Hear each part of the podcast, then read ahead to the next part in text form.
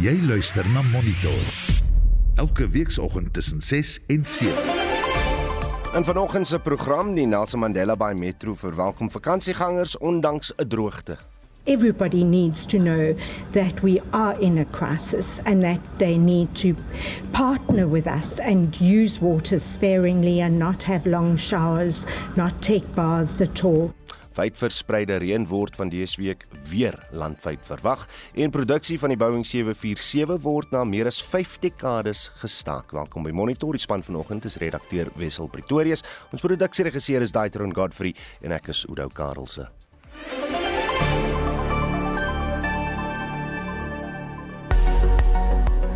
Ons begin die reisigers weer voorspelling met 'n waarskuwing. Oranje vlak 5 waarskuwing vir erge donderstorms met moontlike skade of verlies aan infrastruktuur word verwag oor die sentrale dele van die Wes-Kaap, die suidelike dele van Gauteng, sowel as die sentrale en noordoostelike dele van die Vrystaat.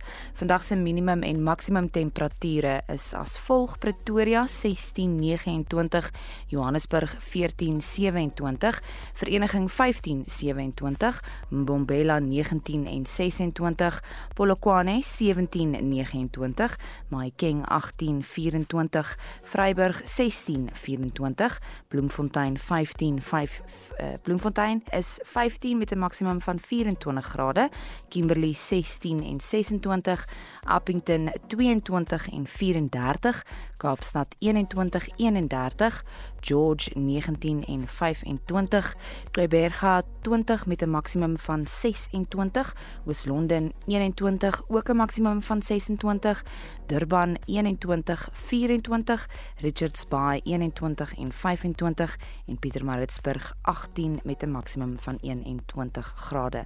Vir nog besonderhede kan jy die weerdiens se webwerf besoek. Dis www.weathersa.co.za.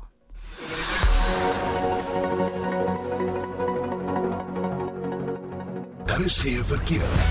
En ek is Justin Kennerly met jou verkeersnuus vanoggend en ek herhaal maar net wat Anne Marie vroeër genoem het oor hierdie minibus taxi ongeluk op die N1 tussen Winburg en die verkeerde pla pla plaza. 10 mense is uh, dood en sy sal later meer vir meer inligting van sê. Dan in Johannesburg 'n voertuig staan aan die linkerbaan op die N12 Oos net voor die Tom Jones en die R23 pad. En dan in Durban was daar 'n botsing op die N3 Wes net na die EB Kloete wisselaar. Die twee regterbane is gesluit en dit reën ook op die N3 tussen Sedara en Heidelberg. So onthou om jou ligte aan te skakel om meer sigbaar te wees. Stuur enige verkeersnuus na 45889 teen R1.50 per SMS.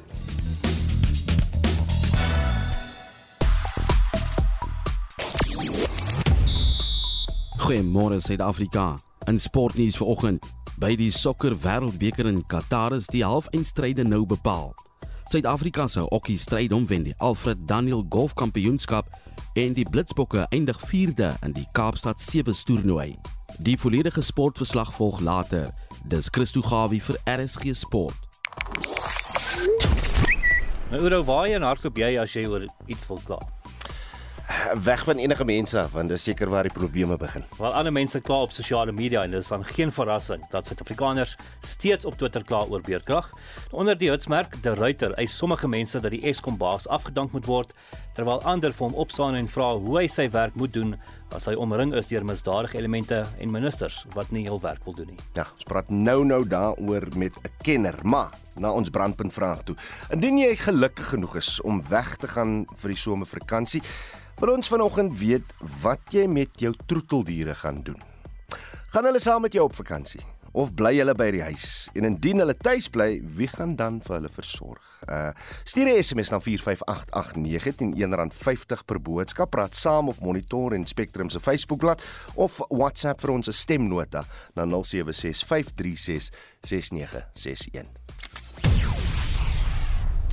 Monitor jou oggendnuusprogram op RSG. Byna 11 minute oor 6. Die bemiddelingsproses tussen die vakbond Solidariteit en die regering onder toesig van die Verenigde Nasies se internasionale arbeidsorganisasie begin môre. Die partye het ooreengekom dat die kommissie vir versoening, bemiddeling en arbitrasie in Suid-Afrika die proses sal fasiliteer. Ons praat met die bestuurshoof van Solidariteit, Dirk Herman. Dirk, goeiemôre. Goeiemôre Oudou. Ons het al voorheen hieroor gesels, maar herinner net weer ons luisteraars wat presies behels behels julle klag. Ja, dit is eintlik baie lank proses wat al in 2016 begin het, toe ons die eerste keer 'n skadeverslag teen die Suid-Afrikaanse rasbeleid ingedien het by die Verenigde Nasies se komitee vir die uitskakeling van alle forme van rassediskriminasie. Hulle het 'n uh, aanbeveling in ons guns gemaak en dit is toe opgevolg deur die Suid-Afrikaanse Menseregte Kommissie wat toe dit bevestig het en gesê dat die Suid-Afrikaanse raswetgewing is nie belyn met internasionale standaarde nie en dat Suid-Afrika sy wetgewing moet aanpas. Nou dit was vir ons 'n groot deurbraak, maar uit die aard van die saak het die regering om toe nie daaraan gesteer nie.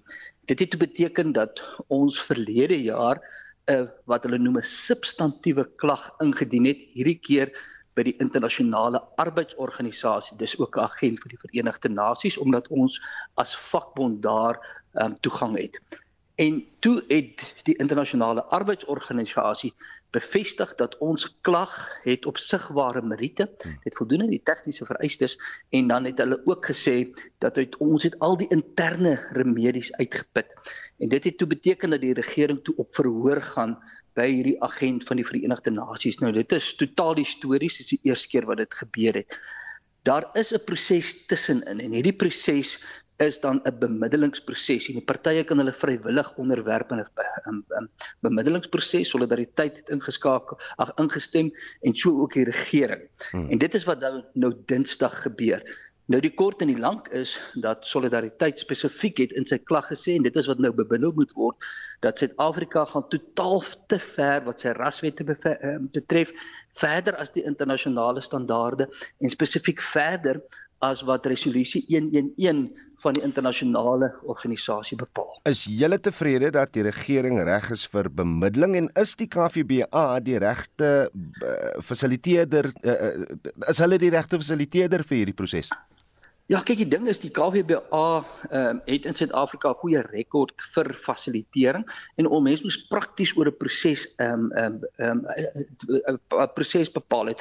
Kyk die uh, internasionale arbeidsorganisasie het ook gesê dat sulke bemiddelingsprosesse moet tipies vir die land ontwikkel word. Hulle fasiliteer dit die ehm um, die internasionale arbeidsorganisasie gaan ook Dinsdag daar wees. So ons het toe gesê dat onder die partye is dit beslis die mees praktiese manier om te bemiddel. Watter uitkomste is moontlik, Dirk? Wel die eerste een is dat daar 'n skikking kan kom. Nou die skikking sal dan ehm um, behels dat Suid-Afrika ooreenkom dat hulle nie voldoen aan internasionale standaarde nie en dat wetgewing moet verander. Indien dit nie gebeur nie en ons is nie naïef hieroor nie, indien dit nie gebeur nie, dan gaan die verhoorproses onmiddellik voor en dit begin dan 3 April volgende jaar. So aan die een kant is daar dus bemiddeling, maar aan die ander kant kan daar 'n verhoor wees met 'n uitspraak. Asai, Dirk Herman, baie dankie vir jou tyd hier op Monitor, hy is die bestuurshoof van Solidariteit. Die Energieraad van Suid-Afrika sê die regering het nie die verbintenis om die land se energiekrisis vinnig aan te spreek nie. Eskom het verlede week fase 6 uh, kragonderbrekings ingestel wat Vrydag na fase 5 afgegradeer is. Uh, Pravin Gordhan, die minister van openbare ondernemings, het Eskom beveel om die land uit fase 6 beurtkrag te kry. Ons praat nou met Corneels Skabort, 'n dosent aan die skool vir chemiese en mineraal ingenieurswese aan die Noordwes Universiteit. Corneels, goeiemôre. Môre Oudo. Kom ons begin eers met uh eh, Kuiberg eh, kernkragstasie. Verlede week het Eskom uh, sy instandhoudingswerk gedoen. Hoe het dit verloop? Dat is 'n goeie vraag. Ek weet Sikonati het gesê dat Kuiberg van lyn afgebring is, maar wel ek weet nie wat gister gebeur het noodwendig nie, maar as ek kyk na die data, hm. dan lyk dit vir my Kuiberg een en een is nog steeds aanlyn. So ek ek dis 'n baie interessante vraag. Ek as ek hom moet vat op sy woord, dan is en een af. Maar as ek kyk na die data op Eskom se se webblad, dan lyk dit nie asof daar eenheid af is nie, want die hoeveelheid kernkrag wat tans gelewer word wel tot en met Saterdag is nog steeds bokant 1500 en dit beteken daar's twee eenhede aanlyn. Dis onmoontlik om met een eenheid 1500 megawatt te lewer. So of hulle data is verkeerd aanlyn of daar's dalk nie waar ek gespreek nie, maar kom ons sê dit reg, dan beteken dit Kuiberg is af en dan beteken ons 'n stand in 'n situasie waar Kuiberg eenheid teen af is. Ek dink net dit moet geverifieer word want die data praat nie dieselfde taal nie. Maar as hy anders, dan dra dit seker 'n groot risiko hoeveel. Wel, as hy anders, dit moet afgesit word. Ek dink die feit van die saak is dis al die tweede keer uitgestel uh Kuiberg moet um afgeskakel word. Daar is nodige instandhouding wat moet gebeur. Daar's sekere lewensverlengings instandhouding wat moet plaasvind by Kuiberg. So dit, dit moet gebeur en dit kan nie dit kan nie langer uitgestel word nie. Ek bedoel daar's 'n koste implikasie deur langer te wag om Kuiberg af te om nie nie af te skakel nie. City Power in uh, die stad Johannesburg het gister 'n media-konferensie gehou gistermiddag om te kla oor vandalisme en kabeldiefstal, maar wat vir my het gestaan het Cornelius is die feit dat hulle na ewige reën Sondagoggend 5000 kragklagtes ontvang het. Sondagoggend hmm. uh dis nou City Power het ook melding gemaak oor die feit dat beerdkrag substasies erg belemmer. Het ons daai punt bereik waar beerdkrag ons infrastruktuur spesifiek in Johannesburg erg begin be uh, beskadig? Ek dink hier's 'n paar faktore wat nou ongelukkig op dieselfde tyd uh uh, uh impak het. Die kabeldiefstal, die sabotasie, die uh, aanhoudende beerdkrag het maar nog altyd sy impak gehad. Ek dink wat dit baie erger nou gemaak het tussen ons heelwat foto's oor die naweek wat mense kon sien uh, in die media is die reën hmm. en dit beteken dat sekere van hierdie afgevolg van vandalisme en baie keer net dit is die realiteit is daar oorstromings in Johannesburg. Ek bedoel selfs hier in Potchefstroom ons nie te lekker dit reën maar dit reën baie in 'n baie kort tyd en ewe skielik is die strate onder water. So dit het ook bepaalde impakte. Enerzijds dat toerusting daardeur geraak word en anderzijds dat die nodige instandhoudingsspanne of herstelwerkspanne nie by die bepaalde punte kan uitkom nie. Hmm. So ons sit ongelukkig met bietjie eh, 'n uh, kombinasie van 'n paar faktore wat gelei het tot dit wat ons tans in Johannesburg onder andere sien. Reg. Ons minister van uh, minerale hulpbronne en energie, Kwedimantashe, het sowaar gesê dat Eskom hom beywer vir die omverwerping van die staat. Jou reaksie Corneels? Oudo, ons is dit is hartseer om te sien dat Eskom se probleme speel uit in die in die politieke speelveld en en wat tans gebeur is dis ironies ek kyk weer gister 'n 'n video waar iemand soos president Cyril Ramaphosa gesê het in 2015 het hy gesê net 2 jaar 2 jaar hmm. dan sal ons nooit weer weet wat is beurtkrag nie. Dis 5 jaar gelede. Uh, gister het Cyril Ramaphosa ook gesê hy erken nou uiteindelik die land het te lank gevat om wakker te skrik ten minste erken hulle die fout lê waar die fout lê. Die fout lê by die politieke leiers. Die fout lê by Gwede Mantashe, by Pravin Gordhan, by Cyril Ramaphosa wat nie die nodige dinge in plek gestel het nie. Die die realiteit is Ons sit met hierdie probleem al van 2007 af. Hmm. En ons sit steeds daarmee. En elke keer word daar gesê ons doen iets, ons doen iets, ons doen iets. Nou wat byvoorbeeld gebeur, Oudo, daar's op baie plekke sonplase, windplase met die laaste botvenster was daar 'n klomp projekte wat nie goedgekeur kon word nie omdat die transmissielyne bloot nie die kapasiteit het om daai addisionele energie tot die netwerk te voeg nie. So vir ons tans, daar's 'n beplanningsprobleem. Iemand moes al lank al geweet het, luister, die Noord-Kaap is ideaal vir son, die Oos-Kaap is ideaal vir wind. Ons moet die transmissielyne groter maak om addisionele son- en windplase te kan voeg tot die netwerk. Het dit gebeur? Nee, dit het nie. Hoe lank vat dit om daai transmissielyne te installeer? 10 na 12 jaar. So die realiteit is, daar's 'n klomp projekte wat moontlik kan aanlyn kom. Ek, ek alles is net elke keer dis wat nou gesê word oor 2 jaar, oor 2 jaar, oor 2 jaar en elke keer skop ons maar net die probleem af in die straat en en ons los nie die probleem op nie. En en dit was dis wat die hartseer is, maar dit het baie met politiek te doen en nee, Eskom het nie een of ander agenda om die staat omver te werk nie. Ek dink die ANC doen 'n goeie werk op hulle eie om dit in elk geval reg te kry. Corneels hierdie battery energiebergingsstelsel projek wat 11 miljard rand gaan kos. Hulle het nou met konstruksie begin, maar maar hoe gaan dit verligting aan die stelsel bied en gaan ons nou nog meer as 2 jaar wag daarvoor of hoe? Dat ons gaan 'n ruk wag. Daar's twee fases. Die een fase behoort teen einde Junie volgende jaar klaar te wees en die ander een teen einde volgende jaar.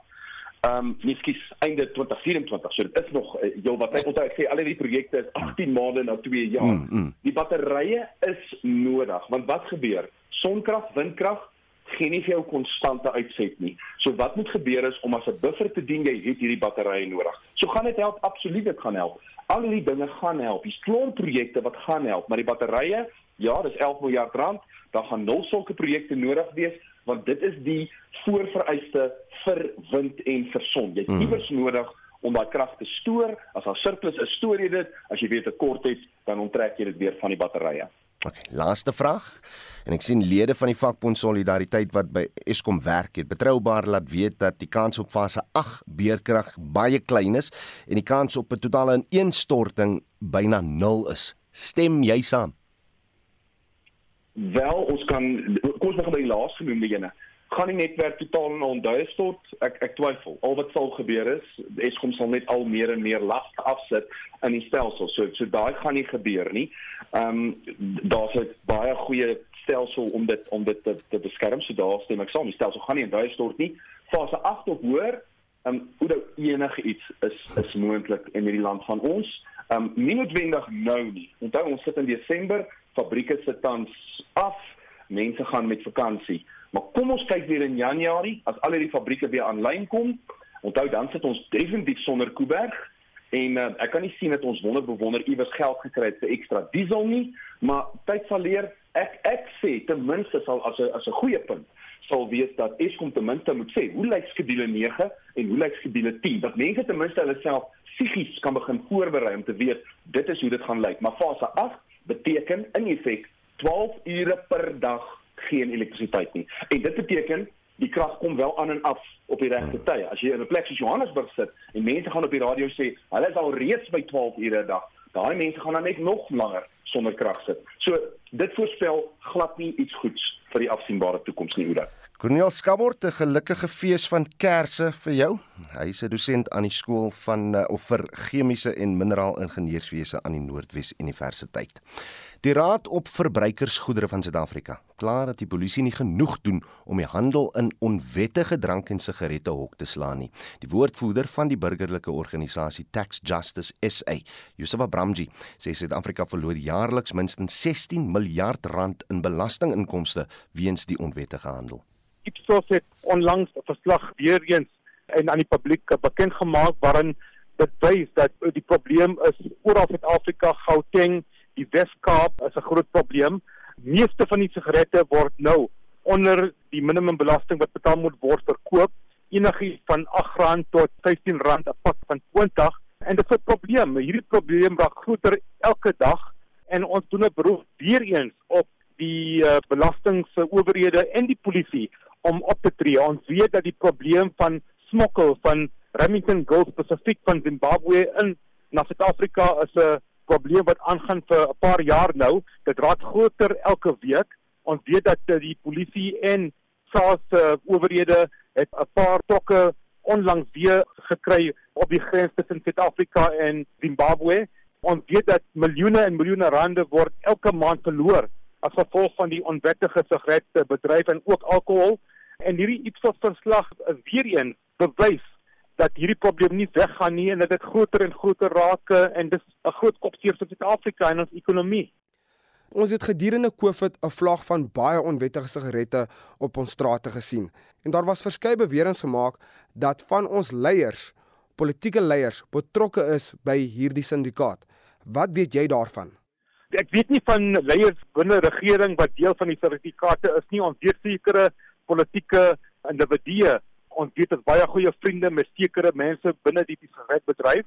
As gevolg uh, daarvan het ons geen bewys dat uh, hulle betrokke is by die onwettige sigaretbedryf nie, maar ek dink dit is nou hoogtyd dat die owerhede uh, hierdie aangeleentheid volledig ondersoek en as daar mense is wat hierdie kriminele ondersteun, moet daar opgetree word. Ons sê sluit hulle toe ons weet dat SARS opgetree het teen 'n spesifieke maatskappy, Gold Leaf Tobacco 'n paar weke terug daai saak is nou voor die howe en ons weet dat sekere individue wat hierdie mense waaraan hulle betrokke is, is na bewering betrokke by money laundering en ander misdade en ons doen 'n beroep weer eens op die owerhede om op te tree en ons sê sluit hulle toe. Hoekom daar nie arrestasies gemaak is sover nie, weet ons nie.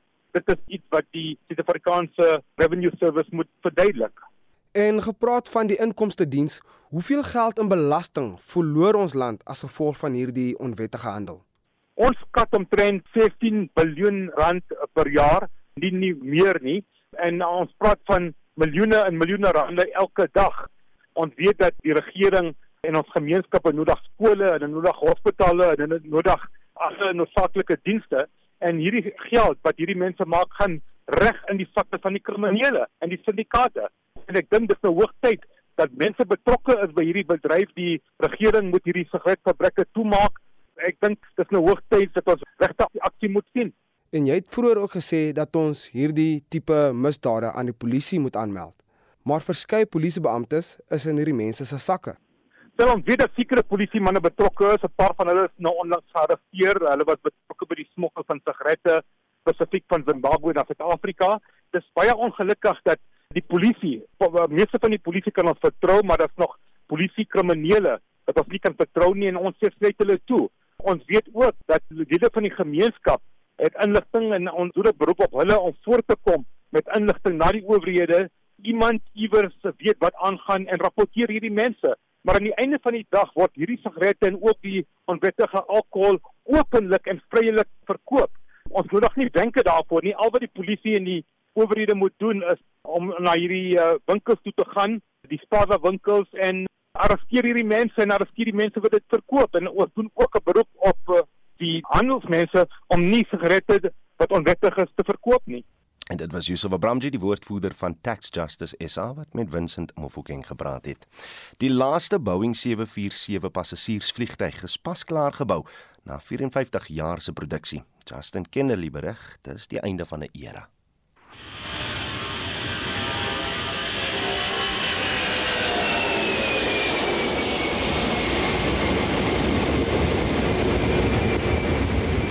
Okay, Jack. Uh, natural question is, what are your impressions? well, Al, uh, I guess this sounds complacent or something, but that thing is just ridiculously easy to fly. It's just a pilot's dream. Really a nice airplane to fly. Die stem daar van Jack Waddell, die vlieënier in beheer van die 747-100 se eerste vlug op 9 Februarie 1969. Die vliegtyg het sy bestaan te danke aan die Amerikaanse lugredery Pan Am wat Boeing in 1966 gevra het om 'n straler te bou wat 2 en 'n half keer groter is as die destydse Boeing 707. Boeing het egter 'n reuse kans gevat om dit te ontwerp en te vervaardig, sê die besturende direkteur van Plain Talking, Lyndon Burns. There was mixed support for it within the company. It was always going to be to some extent a bit of a niche aircraft in that because it had so many seats or could accommodate, you know, three to 400 passengers in a typical configuration, it meant it was ideally suited for flying between major cities. Dit was en bly steeds 'n indrukwekkende straler.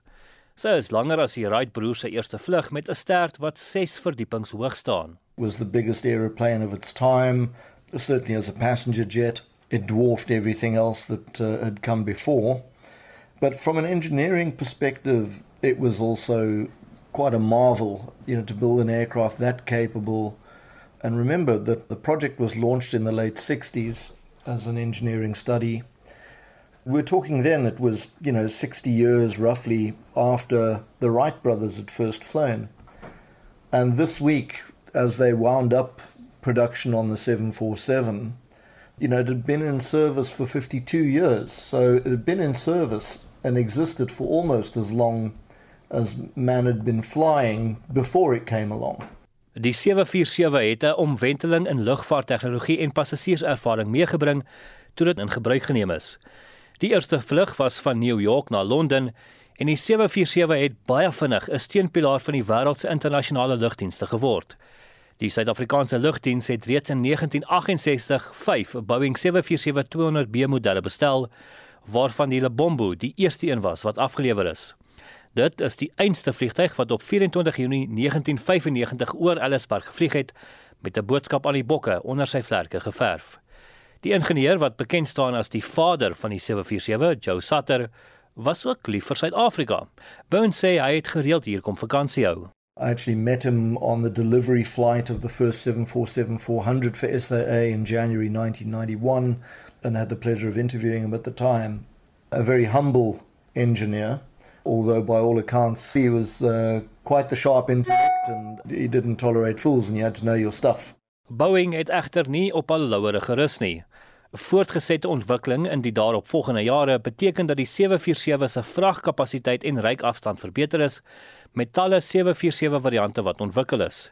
Die straler was nie net 'n ingenieur se droom nie, maar passasiers en ook. Essentially it democratized mass air travel. it brought down the unit costs for travel to the point where you could have affordable overseas holidays, if you like, as opposed to just going to your local seaside resort. You could now afford to travel to exotic destinations. This opened up the world at affordable fares. Boonop het dit nuwe deure geopen vir lugvragvervoer. For the first time, it became possible to have containerized cargo and refrigerated cargo sent by air. This wasn't possible in many of the previous Boeing aircraft by virtue of a very simple fact that the, the cargo doors on all the predecessor aircraft hinged inwards and you couldn't fit one of those wedge shaped aluminium baggage containers or cargo containers into those aircraft's hold. But with the 747, Boeing sensibly decided to have open and outwardly hinging doors. And in fact, many variants of the aircraft went on to serve as dedicated freighters. And in fact, the very final iteration, the 747 8, was primarily a freighter. Boeing sou nie vandag die maatskappy wees wat hy is as dit nie vir die 747 was nie. Ek is Justin Kennedy. Jy luister na Monitor. Elke weekoggend tussen 6 en 7.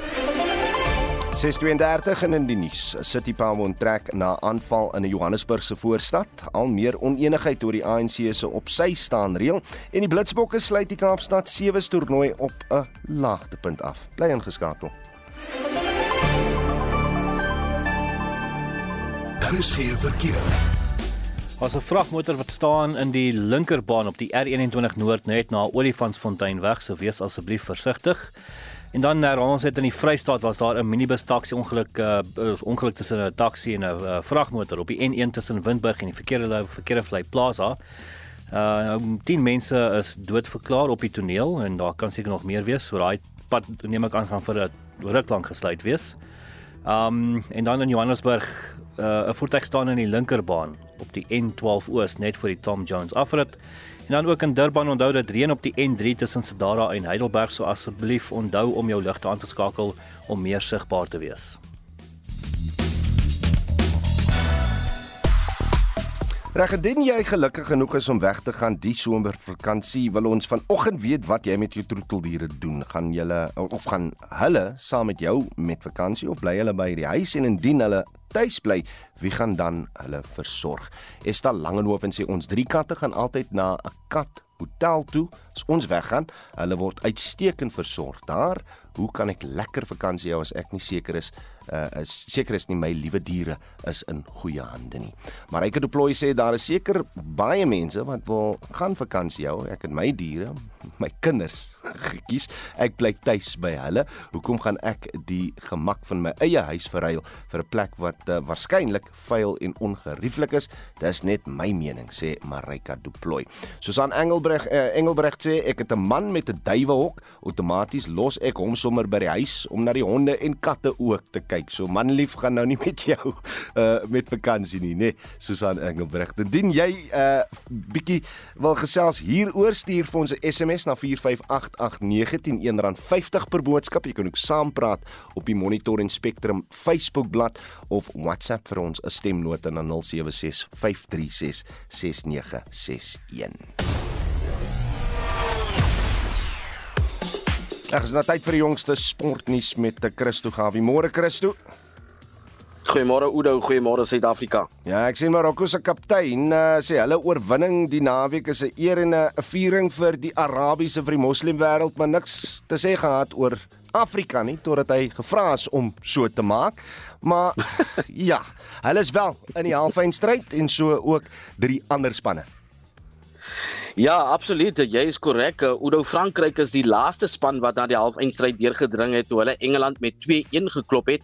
Hulle kom Woensdag aand om 9 na middag teen Marokko te staan wat Portugal Portugal reeds vroeër met 1-0 geklop het. Nou Marokko soos jy genoem het, het ook geskiedenisboeke herskryf toe hy die eerste land in Afrika en van die Arabiese wêreld geword het wat so ver in die toernooi gevorder het. Kroasie en Argentinië pak mekaar môre aand in die eerste halfeindstryd en uh, die eindstryd word uh, Sondagmiddag word dit beslis. As hy uh golf gaan ons na toe want die Suid-Afrikaanse golfspeler Okkie stryd om met uh fantastiese werk gedoen by die Alfred Daniel uh, Kampioenskap. Ja, hy is van Suid-Afrika, Okkie stryd om met die Alfred Daniel Kampioenskap uh, op uh, Leopards Creek in uh, Mpumalanga met twee houe gewen. Nou Strydom het gister afgeslaan as een van die twee voorlopers.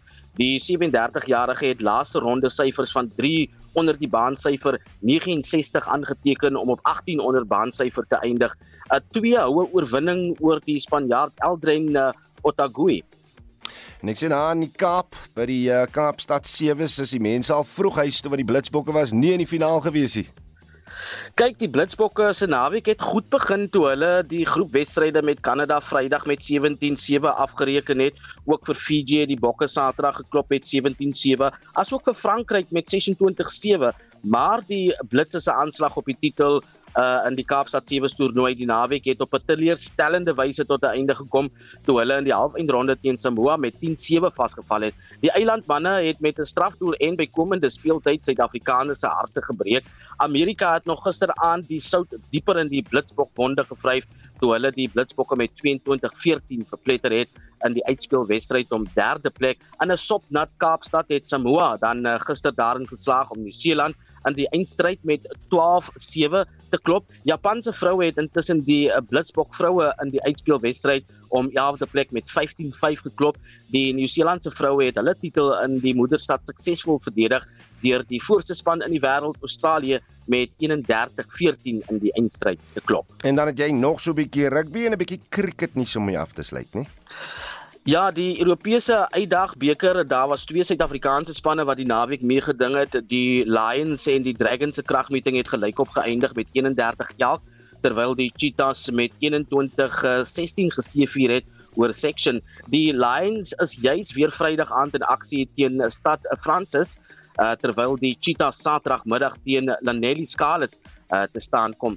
Dan in internasionale cricket, Pakistan het 'n uitdagende 355 lopies vir 'n oorwinning opgestel en uh, die derde dag op 198 vir 4 afgesluit en nodig nog 157 met twee volledige dae oor. Nou vanoggend knap voor 7 uur pak die eindse Pakistan en Engeland mekaar op dag 4 van die tweede toets. Die finale toets word Saterdag word dit beslis. As hy Christo Gawie van RSG Sport.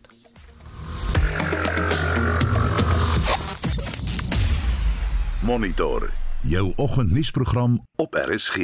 Die vakansieseisoen in Nelson Mandela Bay is op dreef. Toerisme is noodsaaklik vir die ekonomie van die metro wat 'n uitgerekte droogte beleef. By Berga het inwoners, sakeondernemings en vakansiegangers versoek om water oordeelkundig te gebruik. Die Mpofu dam, een van die grootste verskaffingsdamme, is feitelik leeg met net 8% van die vermoë. Die metro verbruik meer as die daaglikse beperking van 230 megaliter. Boonop is die vakansiegangers op pad. Die klem is op die verantwoordelike verbruik van water. Die hoof van water en sanitasie in die Nelson Mandela Metro, Barry Martin, sê daar is genoeg water, maar dat dit spaarsaam gebruik moet word. With the available water that is here, we are confident that we can carry it through the festive season, but on condition that we use waters wisely. We're transferring water into this Churchill system where we are at the moment from both the Nooitgracht system and the Lurie system and the 30 megs that we can get from this dam. Collectively, that's 70 megaliters per day. And if the south and central and southwestern parts of the metro do not conserve water particularly, definitely we will have problems. But apart from a water burst or something like that, we don't believe we'll have water shortages on condition obviously we use water sparingly. Na twee swaar seisoene en die eerste somer sonder 'n verklaarde COVID-pandemie, kan toeriste die stad weer besoek. Maar die minwater bly struikelblok. Tog hou die voorsitter van Discover Nelson Mandela Bay, Andrew Stewart, vol dat dit nie voornemende vakansiegangers moet afskrik nie. Been on a sort of a 6 month campaign working with our tourism members to put as much education towards water restrictions. So we've asked them to please put out as much information to guests, to visitors, and things to be aware of the fact that we are a, a water restricted area. I don't think anybody's taking it for granted. And although it is a concern, we don't want to scare tourists away because the problem is, is that there is enough water. We have enough water for our visitors, but they must be made aware of the fact that we are living in a drought area. Die gasvryheidsbedryf het ingespring nadat die voortdurende droogte hulle gedwing het om noodplanne te maak. Die voorsitter van die Port Elizabeth Bed en Ontbytvereniging, Shina Wilmot, sê die bedryf het maatreëls in plek om die tekort aan water te kan hanteer. The first time we had any water restrictions was in December 2016.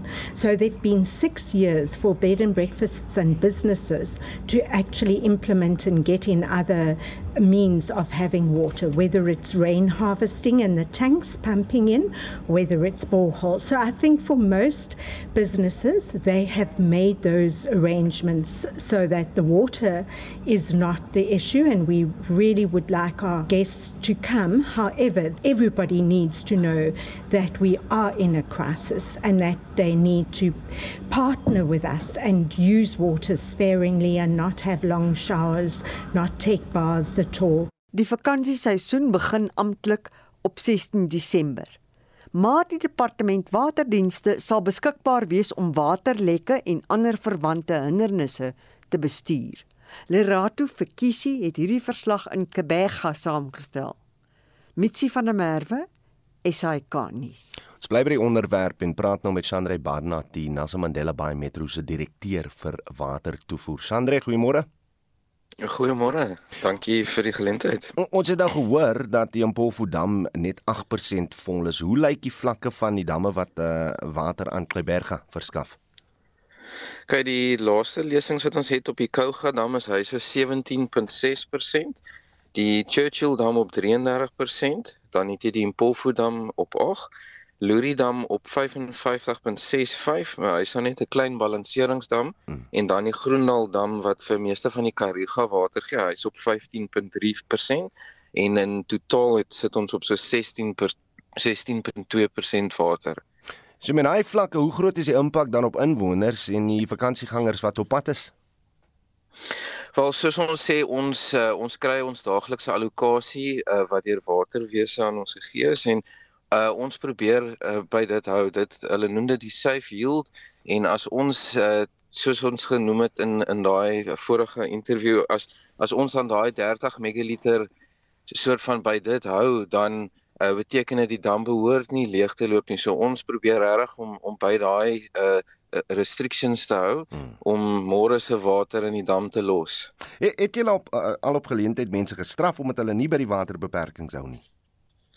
dit gebeur definitief ons ehm um, ons uh, die mense kan op die 0800 20 50 50 uh, inskakel en ehm um, jy kan jou buurman rapporteer as jy sien hy maak sy swembad vol met 'n tuinslang ehm um, as mense daar's mense wat wat boorgatwater verkoop van hulle huise af al hierdie tipe goedjies uh, word aangemeld en dan uh, het ons die metropolisie wat uitgaan en en hulle kan dan nou uh, fines vir die mense skryf ook maar was daar Was daar mense wat was moet wat moes betaal?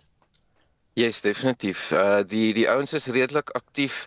Ehm um, ek weet daar was 'n saak wat wat uh minder as 'n uur het die ouens opgedaag daarso en en hulle het uh, kom ondersoek instel uh, waar die water vandaan kom wat die mense hmm. gebruik het en dit so daar's definitief uh uh energie wat gespandeer word aan dit. Sandra sê my kry julle ook water van elders?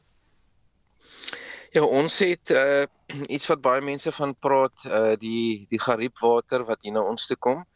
Ehm um, heidaglik gebruik ons so uh, amper tot op so 200 miljoen liter per dag van dit. Ek weet daar's nog steeds baie mense wat vra wanneer gaan hulle die pipeline klaar lê van gariep af. Hy sal uh in in die vroeë 90's klaar gelê en ons hou nou net aan uh opgradeer aan hom. En dis wat ons nou praat, een van ons uh droogteversagtende projekte is wat ons noem die east to west transfer en dit is om uh soveel moontlik van daai nooitgeragte water in hierdie uh stelsels te probeer kry wat gewoonlik van die westerse damme af water kry.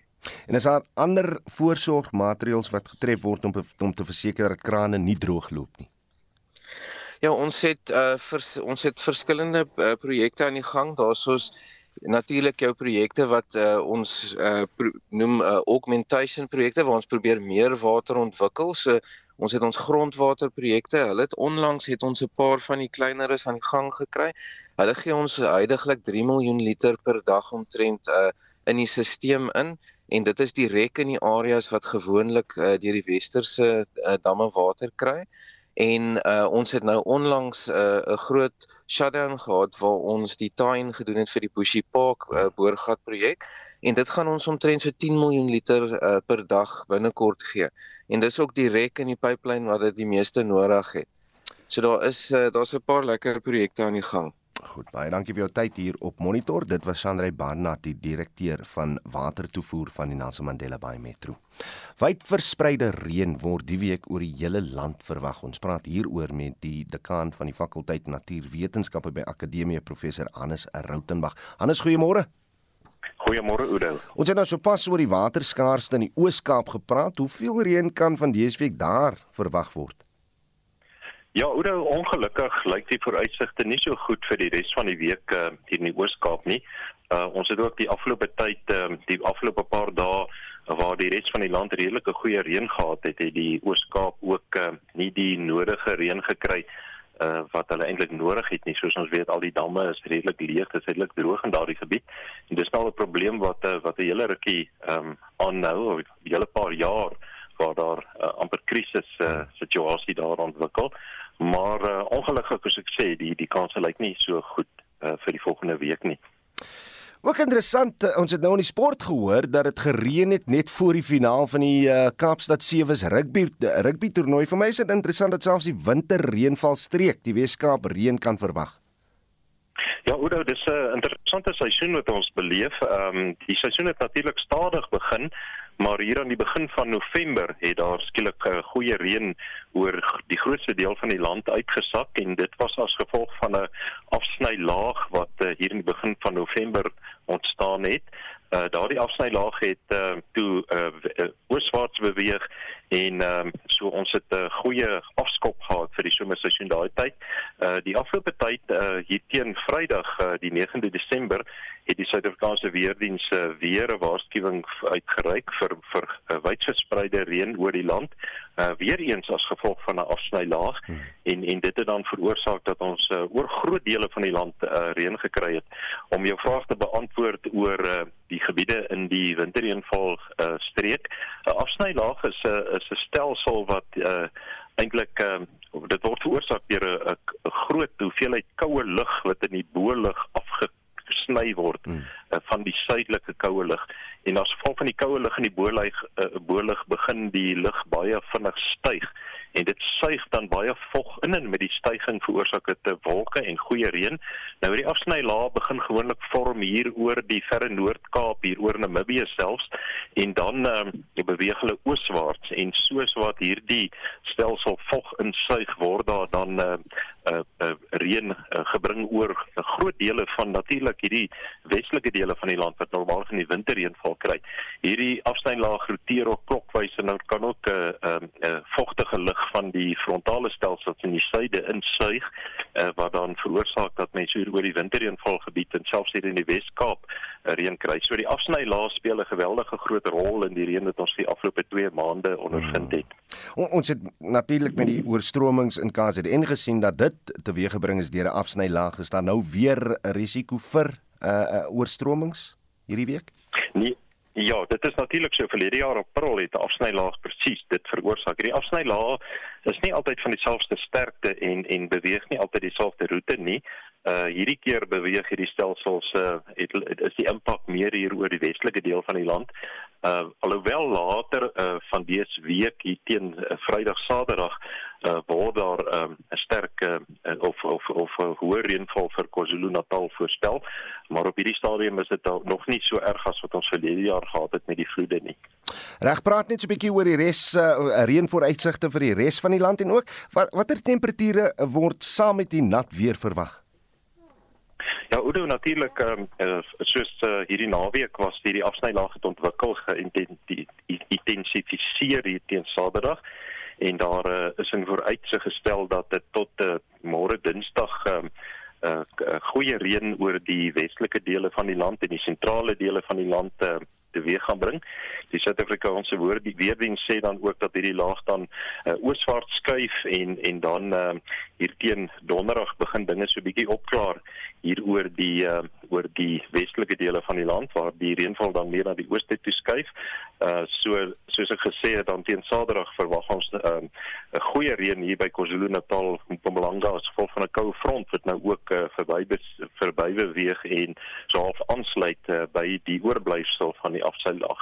So ehm um, ja, nie goeie reënval. Ehm um, daar is 'n uh, waarskuwings uitgereik dat die moontlikheid van vloede uh, en ontwrigtende reën uh, uh, daar is deur die Suid-Afrikaanse weerdiens uh, maar 'n nat land en 'n uh, nat 'n uh, nat week en dan natuurlik uh, as gevolg van die minder straling in die bewolktheid oor die hele land uh, sal ons iewat koeler toestande uh, ondervind hmm. oor die volgende week alhoewel uh, uh, gerieflike temperature nie koud nie Professor Hannes Rautenbach baie dankie vir tyd op monitor hy is die dekaan van die fakulteit natuurwetenskappe by Akademia Joan Marie Verhoef sluit by my aan vir 'n blik oor wêreldnuus gebeure en ons begin met nuus wat internasionale hooftrekke haal. 'n Libiese burger wat van die Lockerbie bomaanval verdink word, is aangekeer.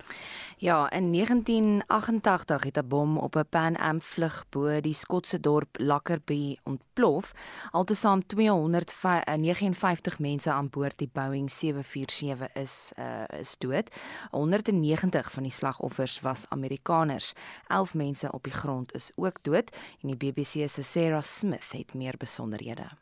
The American and the Scottish authorities have always stressed that they would never stop trying to bring other people to justice. It was five years ago that the FBI learned that Abu Aghela Massoud had confessed to a Libyan official that he had built the Lockerbie bomb. Now, he's finally been arrested and is being extradited to the United States.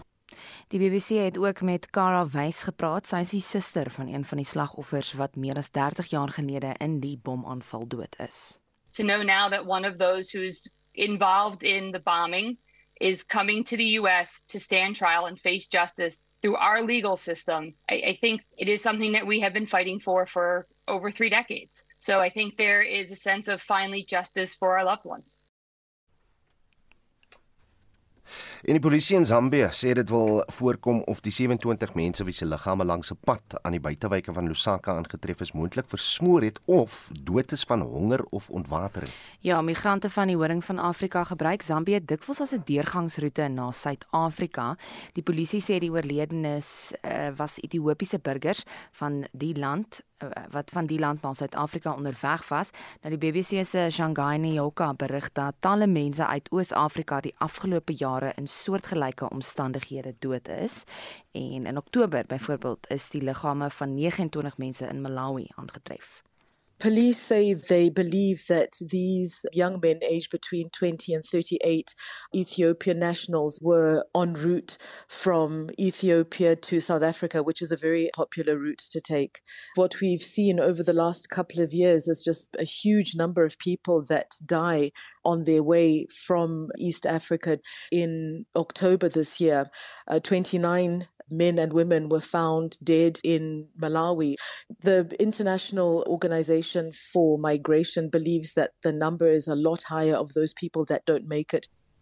En ek sien die Orion ruimtetuig het gister suksesvol na die aarde teruggekeer na 'n onbemande maansending van 26 dae. Dis reg, die Orion ruimtetuigsending is deel van die Amerikaanse ruimteagentskap NASA se Artemis projek wat poog om ruimtevaarders vir die eerste keer in 50 jaar na die oppervlakte van die maan te stuur. Die Orion ruimtetuig het tydens die sending skouspelagtige foto's van die aarde geneem. Dis iets wat laas ehm um, deur die laaste Apollo sending gedoen is. Die tuig het so wat 2 miljoen kilometer afgelê voordat die tuig se kapsule gister in die Stille Oseaan geland het. We are adventurers. We are explorers. We always have a frontier. And that frontier is now to continue exploring the heavens.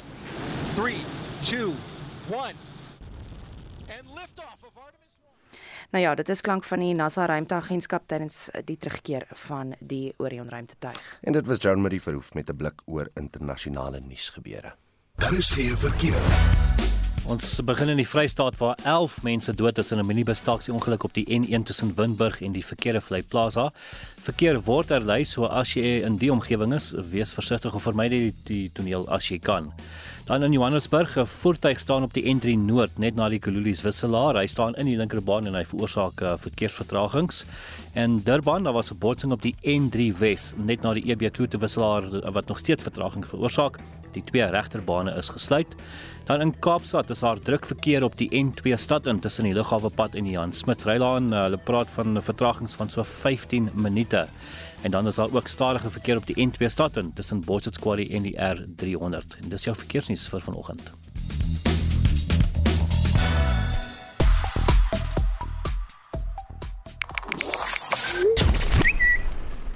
En dan op sosiale media, soos uh, Joni nou net genoem het, het NASA se Orion ruimtetuig suksesvol na die aarde teruggekeer.